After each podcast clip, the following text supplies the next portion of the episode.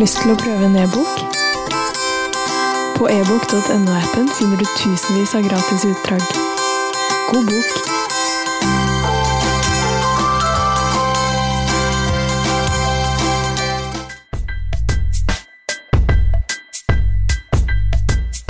Velkommen til en skikkelig heit episode av Pocket, VGs podkast om bøker. I forrige uke så fikk vår bokanmelder Tom Egeland i oppdrag å lese og anmelde den rykende ferske fjerde boka i Fifty Shades-serien, som nå er ut på engelsk og kommer på norsk i september. I tillegg til å anmelde boka, så påla Tom seg selv å telle antall orgasmer i boka, noe som faktisk ikke ble så lett. Eller eh, hva sier du, Tom? Nei, det var tidvis vanskelig å skille mellom stønnene og klynkene og alle disse å, Christian-ene. Eh, men jeg kom nå opp i 24 orgasmer på 576 sider, så får heller grundigere lesere enn meg eh, kanskje etterprøve det tallet. Ja, for det burde jo vært flere på så mange sider. jo, men det går ganske mange hundre sider, skjønner du, hvor det ikke skjer noe. Altså, de første hundre sidene er jo ikke noe sex, og så er det litt sex, og så er det jaggu meg 100 sider hvor de debatterer en merkelig sånn sexkontrakt som han Christian vil forelegge for Anastasia, og da skjer det jo heller ikke noe så veldig mye pikant. Men morsom tilleggselement for en anmelder, må vi jo kunne si. Det er ikke så ofte jeg teller orgasmer. Nei. I studio har vi også med oss eh, Katrine Bakke-Bolin, som er redaksjonssjef i Gyllendal. Og hun er jo litt sånn berykta, for hun er jo den som fikk dette erotiske bokfenomenet til Norge i sin tid. Etter litt om og men. Eh, du har jo på en måte skylda for at Tom sitter her og teller Katrine. Ja, det stemmer at det var eh, jeg og Gyldendal som kjøpte rettighetene til, eh, til Fifty Shades-trilogien. Og de rettighetene ville ha blitt kjøpt i Norge uansett. Så jeg tenker at bokfenomenet ville ha kommet til Norge. Ja, man kan jo si at det ville ha blitt kjøpt uansett, men som Gyldendal takka jo først nei. Uh, Aschehoug syntes det var for dårlig. Cappelen Dam fikk ikke tenning, som de sa til meg når jeg spurte de. Uh, men for Gyldendal da, så snudde det jo, fordi at det var da en redaksjonssjef som midt på natta våkna opp med en klar tanke.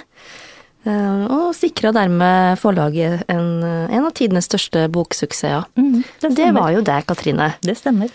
Eh, fortell hva som skjedde.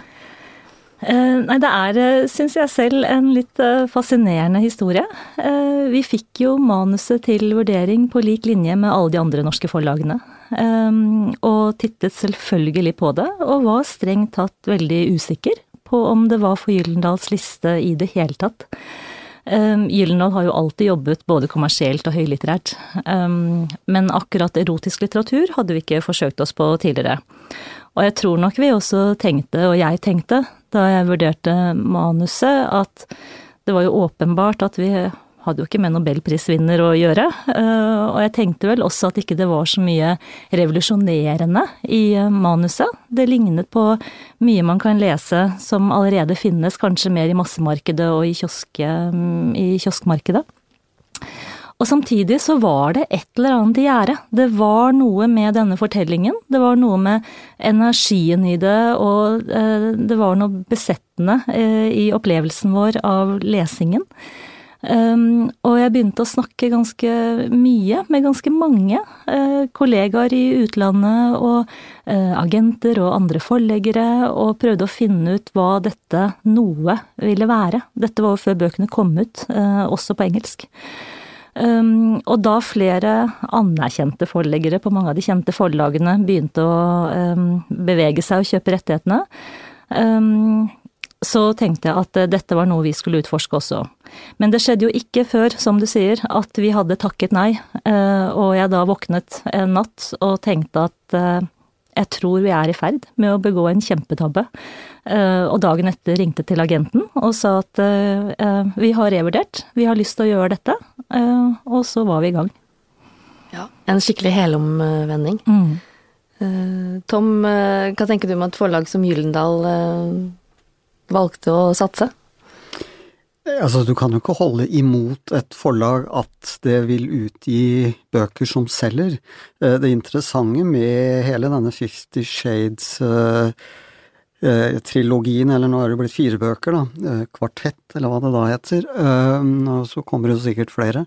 Um, det er jo at i veldig mange land så er den serien utgitt på kulturforlag, og kanskje er det en av grunnene til at disse bøkene da uh, har solgt her 125 millioner eksemplarer, som jo er vanvittig mye. Uh, jeg er jo enig med Katrine at det, altså, det, dette er jo ikke bedre enn det meste av hva skal vi si, tilsvarende erotisk eh, litteratur som utgis, men da av, hva skal vi si, bakgårdsforlag eh, og, og, og ikke mellom eh, stive permer. Men, men, altså, det er klart, jeg vet ikke hva Gyllendal har tjent på, på den helomvendingen, men det er klart at de pengene kommer jo ikke bare forlaget til gode, men forhåpentligvis også litteraturen, at de da tør å satse på noen smalere utgivelser, rett og slett fordi de har penger på bok. Ja, for nå har det gått det har gått tre år siden den mm, bråoppvåkninga, mm. og vi vet jo at det var et riktig kommersielt valg.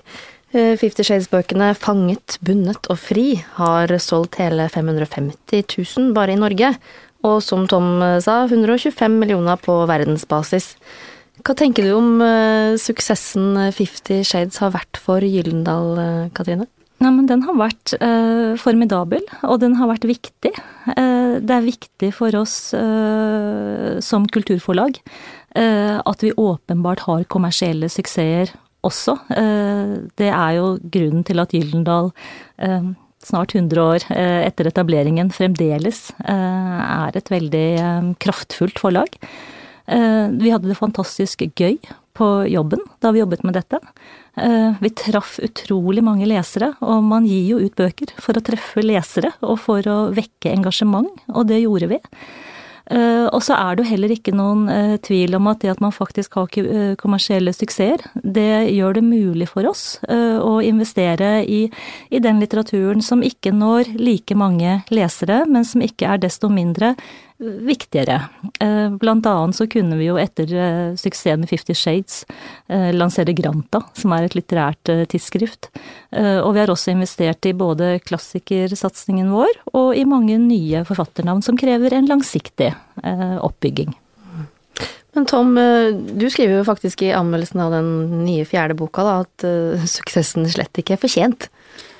Altså ikke fortjent i den forstand at dette her skiller seg jo ikke fra annen tilsvarende litteratur. Altså, hvis man skal si at hva skal vi si, litterær suksess, eller altså kommersiell litterær suksess, knytter seg til kvalitet eller no, en, en, eller annen egenart, så, så, så, altså, i likhet med egentlig ganske mange forleggere også, så skjønner jeg ikke denne suksessen. Altså, jeg skjønner rett og slett ikke hva som er så fascinerende, men jeg innser jo at jeg ikke er en del av dette markedet, da.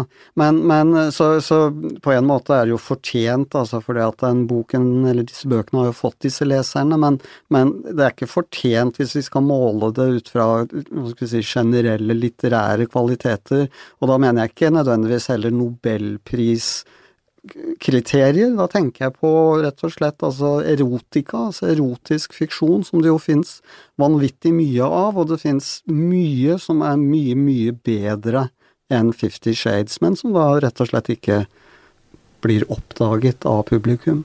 Mm. Bare i 2013 så tjente jo Gyllendal 25,5 millioner kroner på Fifty Shades. Eh, så jeg regner med at det var full jubel hos dere eh, da i starten av juni her, når eh, Eller da det ble lansert at det kom en fjerde bok. Mm. Bare sånn helt ut av det blå, eller grå, som vi kanskje må si i dag. ja, det kom helt ut av det grå.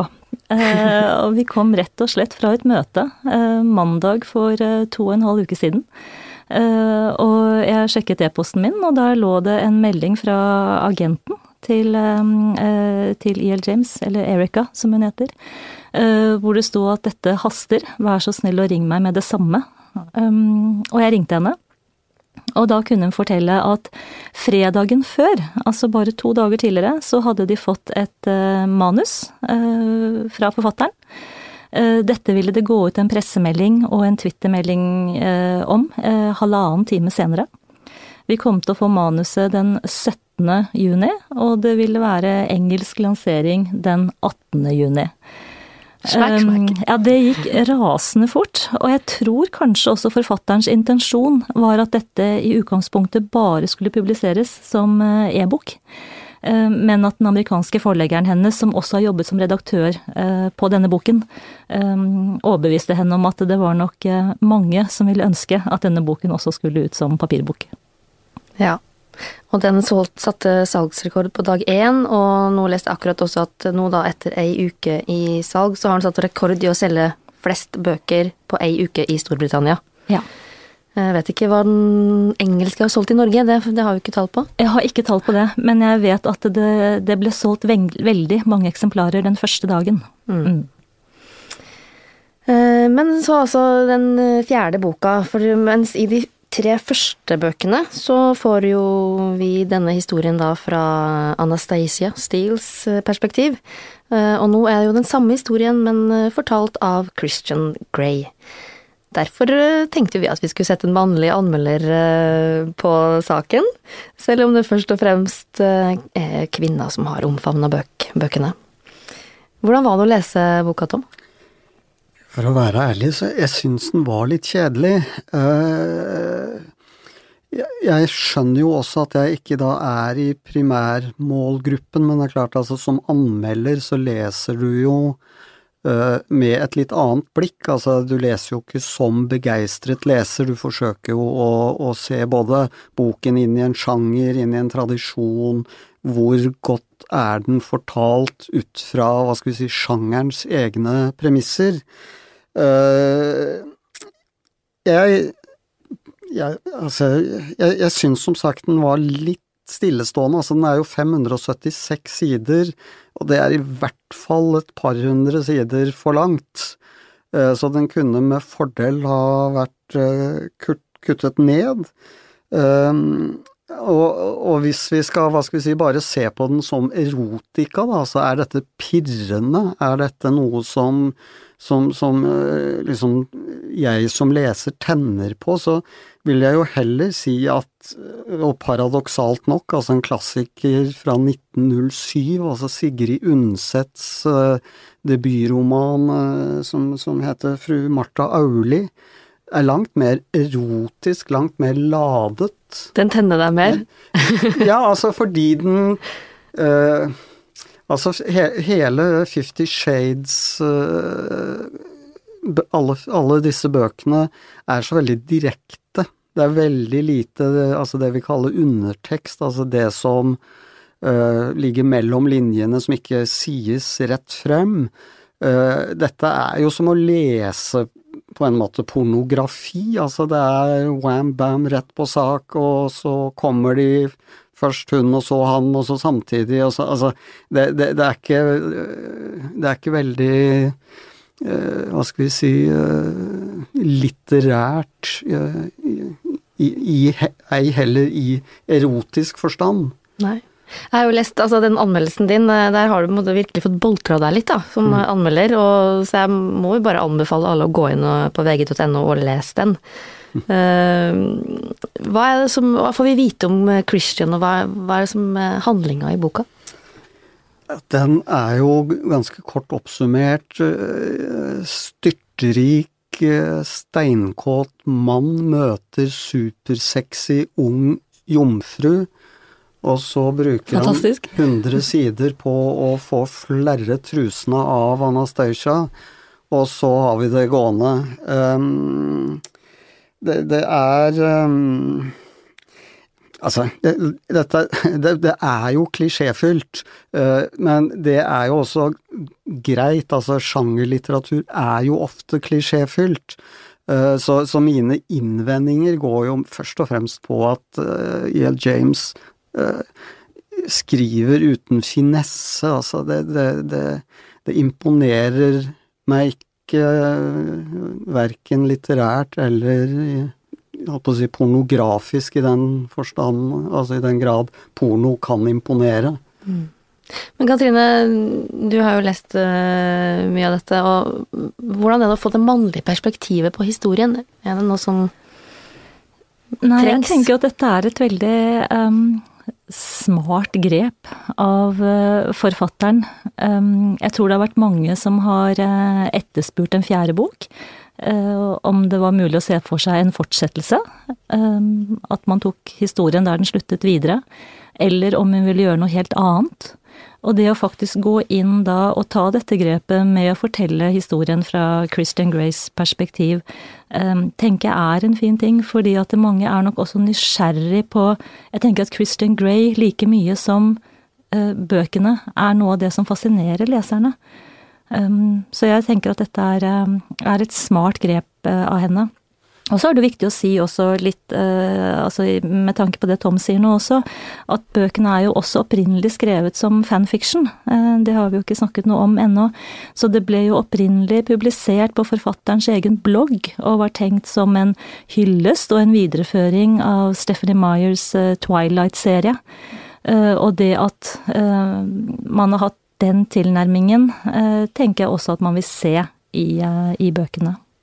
Men det, det, du påpeker, altså det at dette denne gangen ses fra det mannlige perspektivet, var jo også egentlig litt av det som skuffet meg da jeg leste den, nettopp fordi at jeg syns forfatteren skusler bort øh, mye som, som, på en måte ligger der som et potensial. Altså det jeg lærte om hvorfor Christian Grey ble som han ble, og det er jo da en mann som altså har et følelsesmessig distansert forhold til kvinner, han vil egentlig ikke binde seg, han vil ikke ha kjæreste, han vil bare ha sex med dem, og han vil ha brutal sex med dem. Men når vi så da går inn i boken, så, så, er det to ting. Altså det ene er jo da at det skjedde et eller annet som ikke jeg helt fikk taket på i hans barndom knyttet til moren, som, som, som ikke er helt utfortalt. Og så ble han da som 15-åring sexslaven til sin mors modne venninne. Altså vi er jo da inne i fantasiverden til 99% av norske tenåringsgutter, vil jeg tro. Men dette forklarer jo ingenting, altså hvorfor han ble som han ble. Uh, så, så, hele dette nå er perspektivet snudd til det mannlige, uh, syns jeg ja, ble en nedtur, for det det, liksom, Ja ja, altså det er jo bare den samme historien fortalt om igjen med en, hva skal vi si, et annet blikk, men altså det blikket er ikke spesielt maskulint. Nei, og forlaget selger jo inn dette her som eh, sensuell romantikk, men jeg tenker, du sier jo mer rett ut i din anmeldelse. Ja, altså for meg, Jeg kaller det jo porno. Altså porno grandiosa. Altså dette er jo Folkeporno? Folkelig porno. Altså dette her er jo eh, Altså pornografi betyr jo eh, sjø, skjøge og skrift, altså et, et, et, det er jo gammelt gresk eh, begrep, altså en, en, tekst om en hore, rett og slett. Um, og, og dette her er jo, hva skal vi si, det er jo delikat anrettet. Dette her er jo noe mor kan ha på nattbordet. Altså hun trenger ikke ha det i nattbordskuffen sammen med pusehåndjernene og det andre stæsjet. Så på den ene siden er dette noe som folk etter hvert har turt å lese på bussen. For det var jo veldig morsomt, altså da de første Fifty Shades-bøkene kom, så var jo e-boksalget virkelig vanvittig. Og da innbiller jeg meg jo kanskje at mange syns det var litt flaut, men samtidig ser jeg jo nå, altså da jeg la ut min anmeldelse på Facebook, så var det jo altså nesten alle reaksjonene kom jo fra kvinner. Og de ventet jo liksom spent på denne boken. Det var hurra! Sånn at liksom, altså min lett syrlige anmeldelse har jo ikke skremt noen fra å ville lese den. Og da er vi jo litt tilbake, tipper jeg, i dette med målgruppe. At ja, dette her er kanskje porno for kvinner, eh, og ikke så Selv om altså, det er ganske heftig, da, men det er kanskje ikke så grovt som hva skal vi si, det du vil kalle bakgårdsporno. Altså hun, hun, hun veier jo noen ord på gullvekt, sånn at eh, det blir ikke sånn, blir jo ikke sånn motbydelig porno som sånn virkelig ekte porno kan være. Dette er jo litt sånn småtekkelig porno, da. Tom kaller det folkeporno og småtekkelig. Hva sier du, Katrine? Nei, vi kaller det erotisk litteratur. Um, og så vet jeg at det, det, selvfølgelig finnes mange merkelapper, og det er hårfine balanseganger mellom det ene og det andre. Uh, husmorporno er jo et begrep som har vært benyttet uh, i mange sammenhenger. Uh, og igjen, det peker jo tilbake til den mer sånn serieproduserte massemarkedslitteraturen, hvor disse bøkene egentlig plasserer seg. Um, men for oss så er det viktig å si at det er erotisk litteratur. Og vi må jo kunne si kanskje at det er litt eh, fint å få litt erotikk inn i folks eh, hverdag. Eller hva sier dere? Eh, dette, er dette noe av grunnen til at det er blitt så stort? Jeg tror i hvert fall Jeg husker jeg så et intervju med en leser som var så begeistret for, for Fifty Shades-bøkene, og det var nettopp fordi at det var så eksplisitt. Mens mye av den andre litteraturen hun hadde lest, eh, der var veldig mye pakket inn, og det var veldig sødmefylt, og det var snille historier og veldig forutsigbare eh, hendelsesforløp. Men det at det faktisk er såpass direkte og implisitt, eh, eller eksplisitt og såpass kinky som det var. Eh, og at det er veldig tydelig. Det er veldig sånn klart hva premissene faktisk er.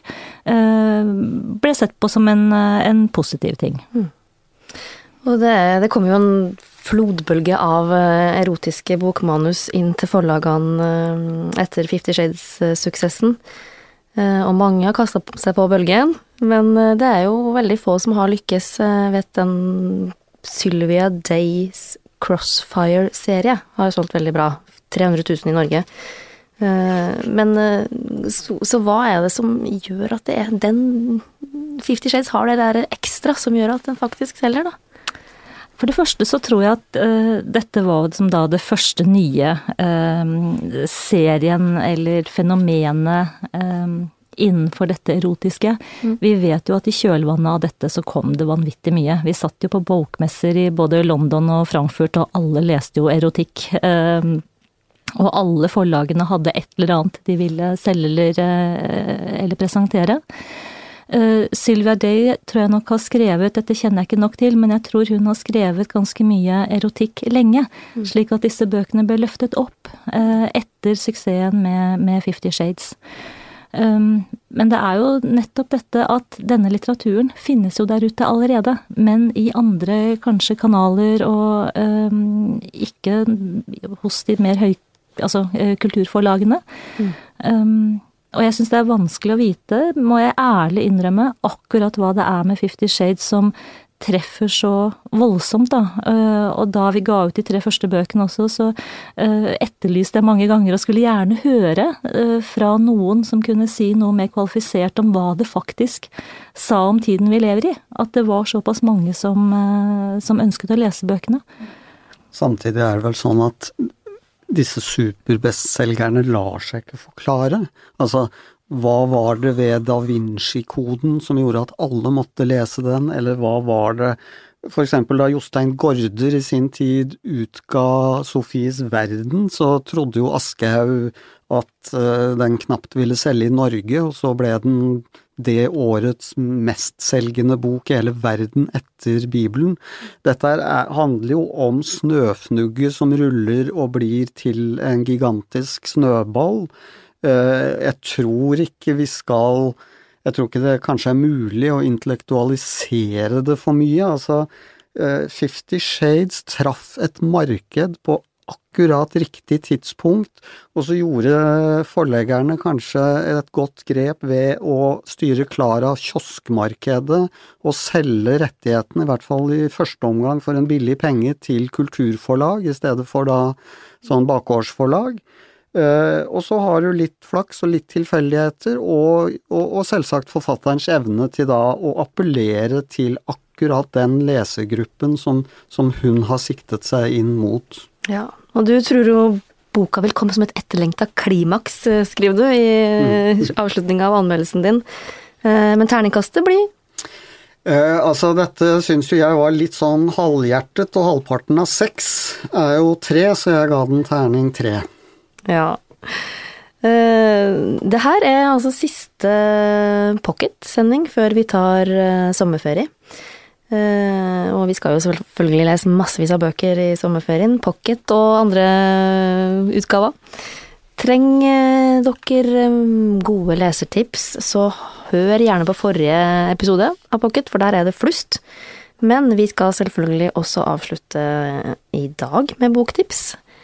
Katrine, du har eh, tatt med deg noen fine bøker der borte? Ja, jeg har tatt med to bøker som faktisk eh, til sammen inneholder fem bøker. Og de er skrevet av den eh, britiske forfatteren Edward St. Aubin som eh, nå går for å være en av de største britiske stilistene, og en av de forfatterne som man tenker seg kommer til å bli stående som en av søylene i britisk litteratur. Han har skrevet eh, fem selvbiografiske bøker om sitt alter ego Patrick Melrose. Bøkene er eh, basert på reelle hendelser. Um, Edward St. Aubin, eller Patrick Melrose som han kaller seg i bøkene, ble utsatt for et, eh, et, overgrep av sin far da han var veldig ung. Og så bruker han eh, resten av livet sitt på å forstå dette, finne et plattform i livet, lære seg å leve med det som har skjedd. Og dette er eh, strålende lesning, emosjonelt utrolig pregnant, og eh, viktige bøker som jeg tenker at veldig mange burde ha stor glede av å lese. Mm.